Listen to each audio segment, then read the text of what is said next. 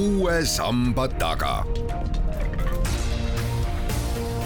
sammaste taha aitab vaadata sajaaastane eestikeelne rahvusülikool tere, tänane saatekülaline on tulnud usuteaduskonnast doktorant Helen Haas ning me võtame jutuks mitmekesise islami, seda sellepärast, et tal on doktoritöö praegu lõppjärgus ja just nimelt islamist see siis on. jutujuht on Madis Ligi milline teema sellest nii laiast valdkonnast teile täpsemalt huvi pakub? Äh, minule pakub äh, huvi täpsemalt äh, islami vähemusgrupid, vähemususuvoolud ning kuna ma olen varem õppinud türgi keelt, kirjandust ja kultuuri,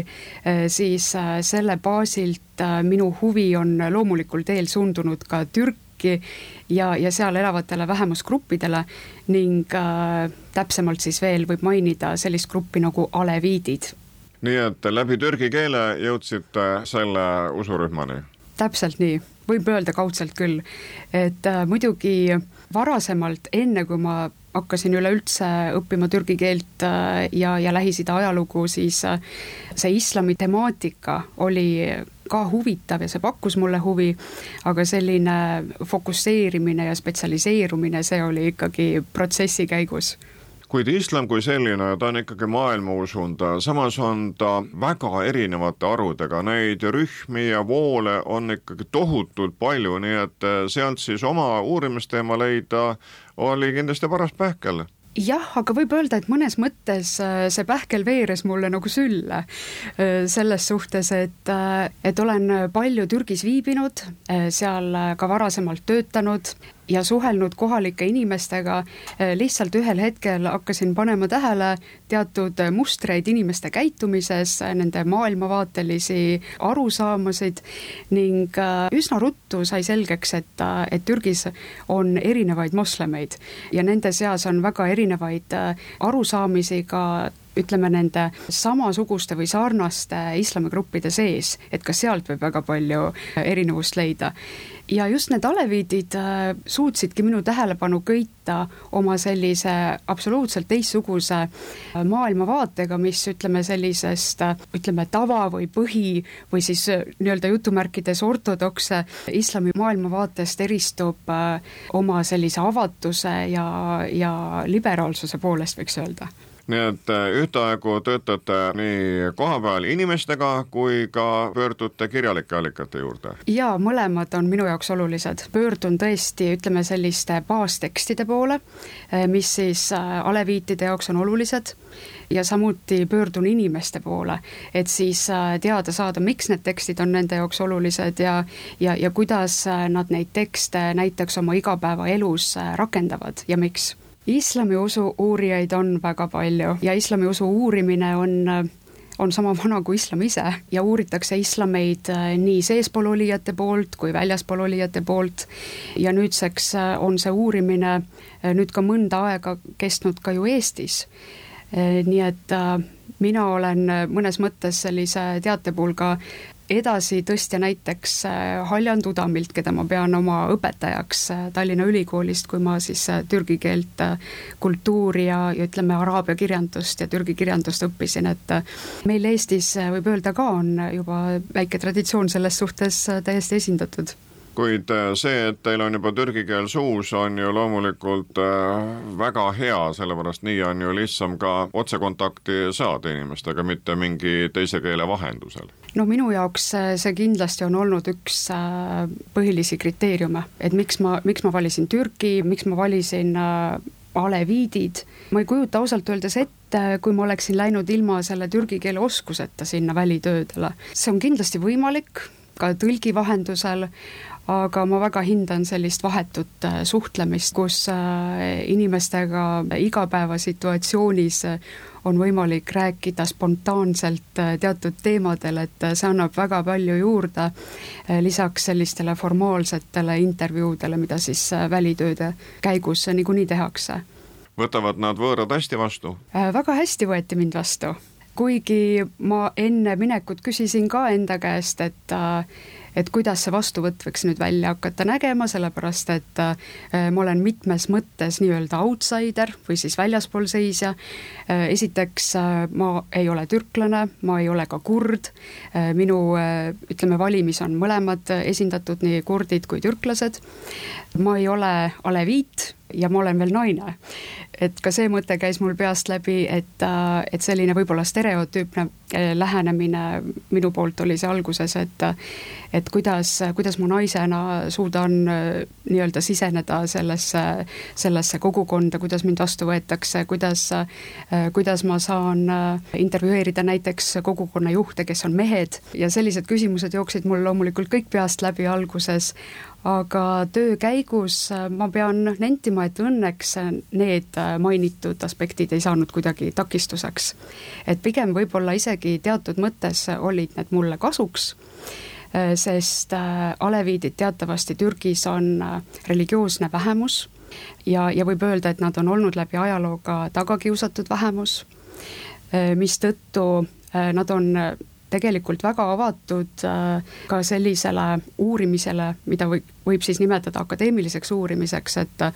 et nad hea meelega võtsid mind vastu kui akadeemilist uurijat ja ma nägin, et nendel oli küllaltki suur huvi siis väljendada seda, kes nad on, ka sellise kanali kaudu. Nad olid esimesest äh, päevast alates väga selleks valmis, juba kogukonna juhtide tasandil ja takistusi ei tulnud ka teistel tasanditel, et see oli väga, selles mõttes väga hästi kõik.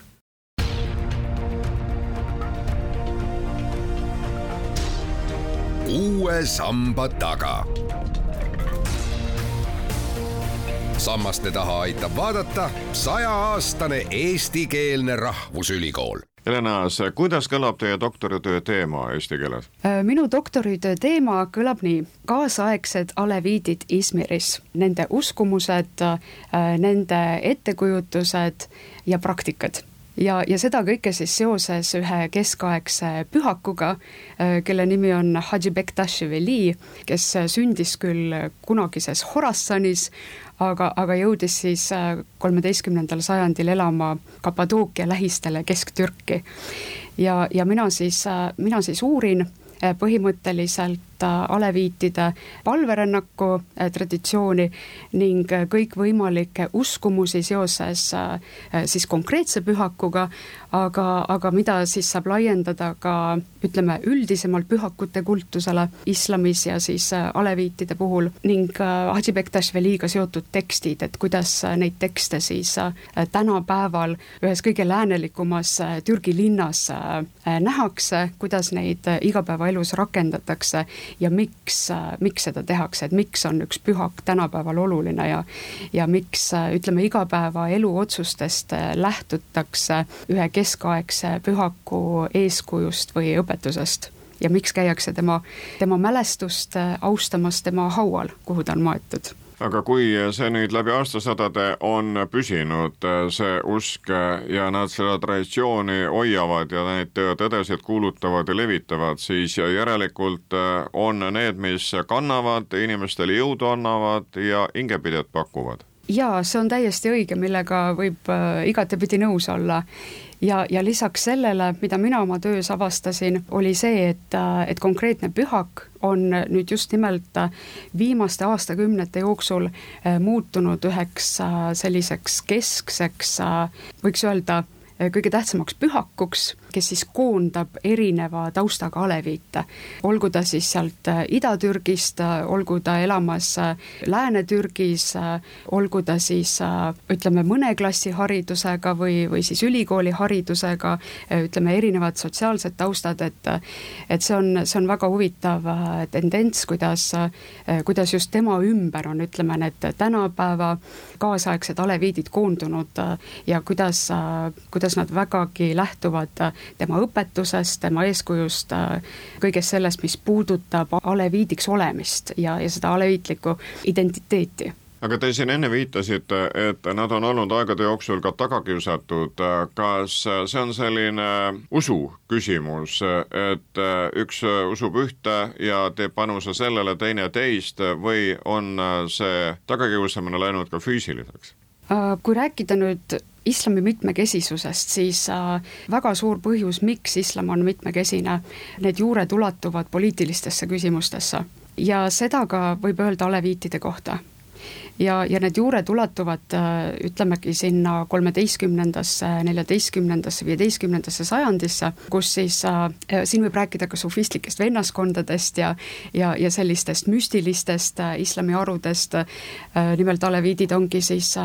kahe sufi vennaskonnaga väga tihedalt seotud, et äh, et esialgu siis Iraani safaviididega ja hiljem siis Bektaši orduga, seesama Hadži Bektaš Veli on siis äh, selle vennaskonna ütleme, selline rajaja, alusepanija. Ja kui me vaatame Osmanite impeeriumi ajalugu ja seda, ja seda vastuolu, mis Osmanitel tekkis äh, Iraaniga, eks ju, safaviididega ning äh, sealt äh, ühel hetkel siis väga terav vastuolu tekkis just ütleme, sunniitide ja šiiitide pinnal et kuigi Safavi vennaskond esialgu oli ka sunniitlik, aga ühel hetkel lihtsalt ta võttis suuna sinna, sunniitlik, vabandust, et ühel hetkel ta võttis suuna sinna šiiitluse poole ja noh, see on selline väga mitmetasandiline ja keeruline küsimus, et kuidas selle vennaskonna pooldajad ütleme, erinevad türkmeeni hõimud, kes seal Ida-Türgis elasid ja, ja kurdi hõimud, kuidas neid värvati selle, selle vennaskonna poolt ka sellisteks nii-öelda vennassõduriteks ja, ja kuidas, äh, kuidas nad olid seal piirialadel ja, ja, ja mismoodi nad siis äh, kaldudes ütleme sellise šiitliku Iraani poole, kuidas see tekitas automaatselt vastuolu sunniitliku Osmanite impeeriumiga ja see ütleme, selline pikaajaline ajalooline vägikaikavedu on, on küllaltki sealt kaugelt Ida-Türgist pärit, nendest sajanditest, ütleme seal neliteist, viisteist sajand ja ei ole kuhugi kadunud tänase päevani. ja, ja seda mäletatakse, sellest räägitakse, sellega käivad kaasas stereotüübid, arvamused, mis, mis ei pruugi absoluutselt paika pidada, aga mis justkui põlvest põlve lähevad edasi täpselt samamoodi nagu meil ka siin Eestis äh, võivad olla teatud stereotüübid äh, islami kohta üldiselt, äh, siis Türgi sees on teatud stereotüübid, mida näiteks sunniidid arvavad aleviitide kohta ja siis vastupidi. ja kui te küsite, et kas, kas see vastuolu on läinud ka füüsiliseks ja vägivaldseks, siis jah, on läinud, seda on olnud ajaloos ja seda on olnud ka lähiajaloos. näiteks tuhande üheksasaja üheksakümne kolmandal aastal, eh, kui toimus üks järjekordne selline alevi kultuurifestival eh, Sivassi linnas Türgis, eh, siis seal toimus üks väga noh, võib öelda verine intsident, kus see hotell, kus siis festival toimus, pandi lihtsalt põlema ja, ja paljud inimesed hukkusid seal. Ja, ja see on intsident, mida siiamaani mälestatakse, millest palju räägitakse aleviringkondades ja, ja mida tuuakse siis ka näiteks ütleme, just selle vastuolu kirjeldamiseks. Nad on siis ka geograafiliselt nagu koondunud, need aleviidid nii-öelda ühte piirkonda, ehk see usurühm on geograafiliselt kergesti määratletav, kas nii? Kui te oleksite küsinud seda küsimust no ütleme niimoodi viiskümmend aastat tagasi, siis oleks olnud võimalik sellele vastata mööndustega jah. sellepärast, et tõepoolest läbi ajaloo aleviidid on elanud äh, pigem kas siis äh, kesk- või sealt äh, veel kaugemale Ida-Türgis, mägistes piirkondades, külades, aga see linnastumise protsess, mis Türgis on olnud väga-väga kiire ja ja väga massiline, see puudutas ka aleviite paljuski seetõttu tänapäeval võib rääkida, et aleviit elab praktiliselt igal pool üle kogu Türgi, eriti suuremates linnades, Istanbulis, Izmiris, noh, kõik linnad võib tegelikult äh, ette nimetada. Ja väga paljud äh, aleviidid on ka rännanud äh, Euroopa riikidesse. Ja, ja mis on aleviitide puhul väga huvitav üldiselt nende uurijatele tänapäeval, on see, et silme all sõna otseses mõttes on võimalik jälgida, kuidas kujuneb ja muutub üks religioon. sest äh, ütleme nüüd need aleviidid, kes elavad diasporaas, kas Saksamaal, Skandinaavia maades, äh, siis äh, nende identiteet on muutunud selles suunas, et nad juba peavad ennast täiesti eraldiseisvaks religiooniks ja nad on ka tunnustatud kui eraldiseisev religioon, mis tähendab seda, et äh, neile võimaldatakse riigi poolt näiteks koolides õpetada usuõpetust et Alevi usuõpetus Alevi lastele, aga Türgis seda ei ole nii valdavalt märgata. et näiteks see kogukond, kellega mina kokku puutusin, nemad mitte keegi ei määratlenud ennast selliselt, nad oleks öelnud, et me oleme täiesti eraldiseisev religioon, vaid ikkagi nad identifitseerivad ennast islamiga, nad ütlevad, et nad on moslemid ja nimetavad meil ennast nii-öelda siis kõige õigemateks moslemiteks, kes on siis suutnud põlvkondade viisi erinevate pühakute kaudu, keda ühte me oleme, eks ju, nimetanud, suutnud siis säilitada sellise autentse islami ja selle õpetuse. et siin on, siin on väga huvitav see uurimismaterjal laual religiooni uurijatele ja alevite uurijatele Renas, ma vaatasin ka, mida te olete varem kirjutanud äh, nii siis aleviitidest kui ka jaganud oma muljeid nende festivalide kohta ja need tõed, mida nad seal oma tseremooniatel ja palvustel kuulutavad, on ju üldinimlikud. Äh, austa ligemest, ära valeta ja varasta või kui ühest kirjatükist kinni hakata, kontrolli oma käe, keele ja kõhu tegevust. no mis saab kellelgi selle vastu olla? kirjuta alla. jah need on tõesti üldinimlikud äh, põhimõtted ja üleskutsed, milled siis äh, aleviidid on äh, rakendanud oma maailmavaate ette sõna otseses mõttes. ja just see, mida te mainisite, et, et kontrolli oma kätt, keelt, kõhtu, ehk siis ära varasta, ära, ära valeta, ära riku abielu, et see, see on nendel moraalikoodeks lühidalt kokku võetuna. aga jah, et lisaks sellele, mida nad väga rõhutavad, õpetage naisi ärge alandage kedagi. Ja neid õpetuslauseid, mida siis omistatakse Hadži Bektašvelile, neid on mitmeid-mitmeid-mitmeid, äh, mida siin võiks veel nimetada, aga seda laiendatakse, et kui, kui näiteks äh, Aleviit ütleb, et õpetage naisi, siis see tähendab seda, et naised äh, peavad olema meestega koos jumalateenistusel. Ja see on väga suur erisus sunniitlikest äh, moslemitest on ju üldteada, kuidas, äh, kuidas mošeedes äh, mehed, eks ju, palvetavad eraldi, naised palvetavad eraldi, meestel on eraldatud suurem palvetamise ala, naised kuskil seal kas rõdul või, või tagapool, aleviitidel ei tule see kõne allagi ja see on, see on üks põhjus, miks aleviidid ei palveta mošeedes, kuigi nad on moslemid. ja nad ütlevad, et naised ja mehed on võrdsed ja me kutsume neid mitte naisteks ja meesteks, kui me tuleme jumalateenistusele kokku, vaid me kutsume meid kõiki hingedeks, me oleme kõik hinged, kes me siia kokku tuleme. et jumalateenistusel ei ole nagu sellist eristamist. ja siis äh, veel üks põhjus, üks väga tähtis põhjus, miks äh, aleviidid mošees palvetamas ei käi ja õpetust äh, saamas ei käi, on see, et nemad usuvad, et õpetust tohib jagada ainult see isik, kes põlvneb prohvet Muhamedist ja et nendel on väga täpselt äh, kõik need suguvõsad teada traditsiooni kaudu. Neid põhjuseid on veel, et ühe võiks siis veel esile tuua, et et kui toimub äh, selline ühine palvus või õpetuskoosolek, siis äh, ei tohi olla üksteise poole seljaga, vaid üksteise poole peab olema suunatud näoga, sellepärast et igas inimeses on olemas nende uskumuse kohaselt see jumalik säde ja seda sädet tuleb siis austada äh, jumalateenistuse käigus. nii et äh, seal on mitmeid erinevusi mošee ja aleviitide palvemaja vahel. Teie aga läbi oma doktoritöö õpetate meid äh, maailma paremini mõistma, sealhulgas ka siis seda mitmetahulist islami, kuid arvestades, kui suur on islamiusuliste kogukond, me peamegi äh, nendest rohkem teadma, sealhulgas ka sellest usurühmast, mis siis moodustab vähemuse ja on aleviidid. Aitäh, Helen Aas äh, ning jõudu siis doktoritöö lõpetamiseks küsija oli Madis Ligi.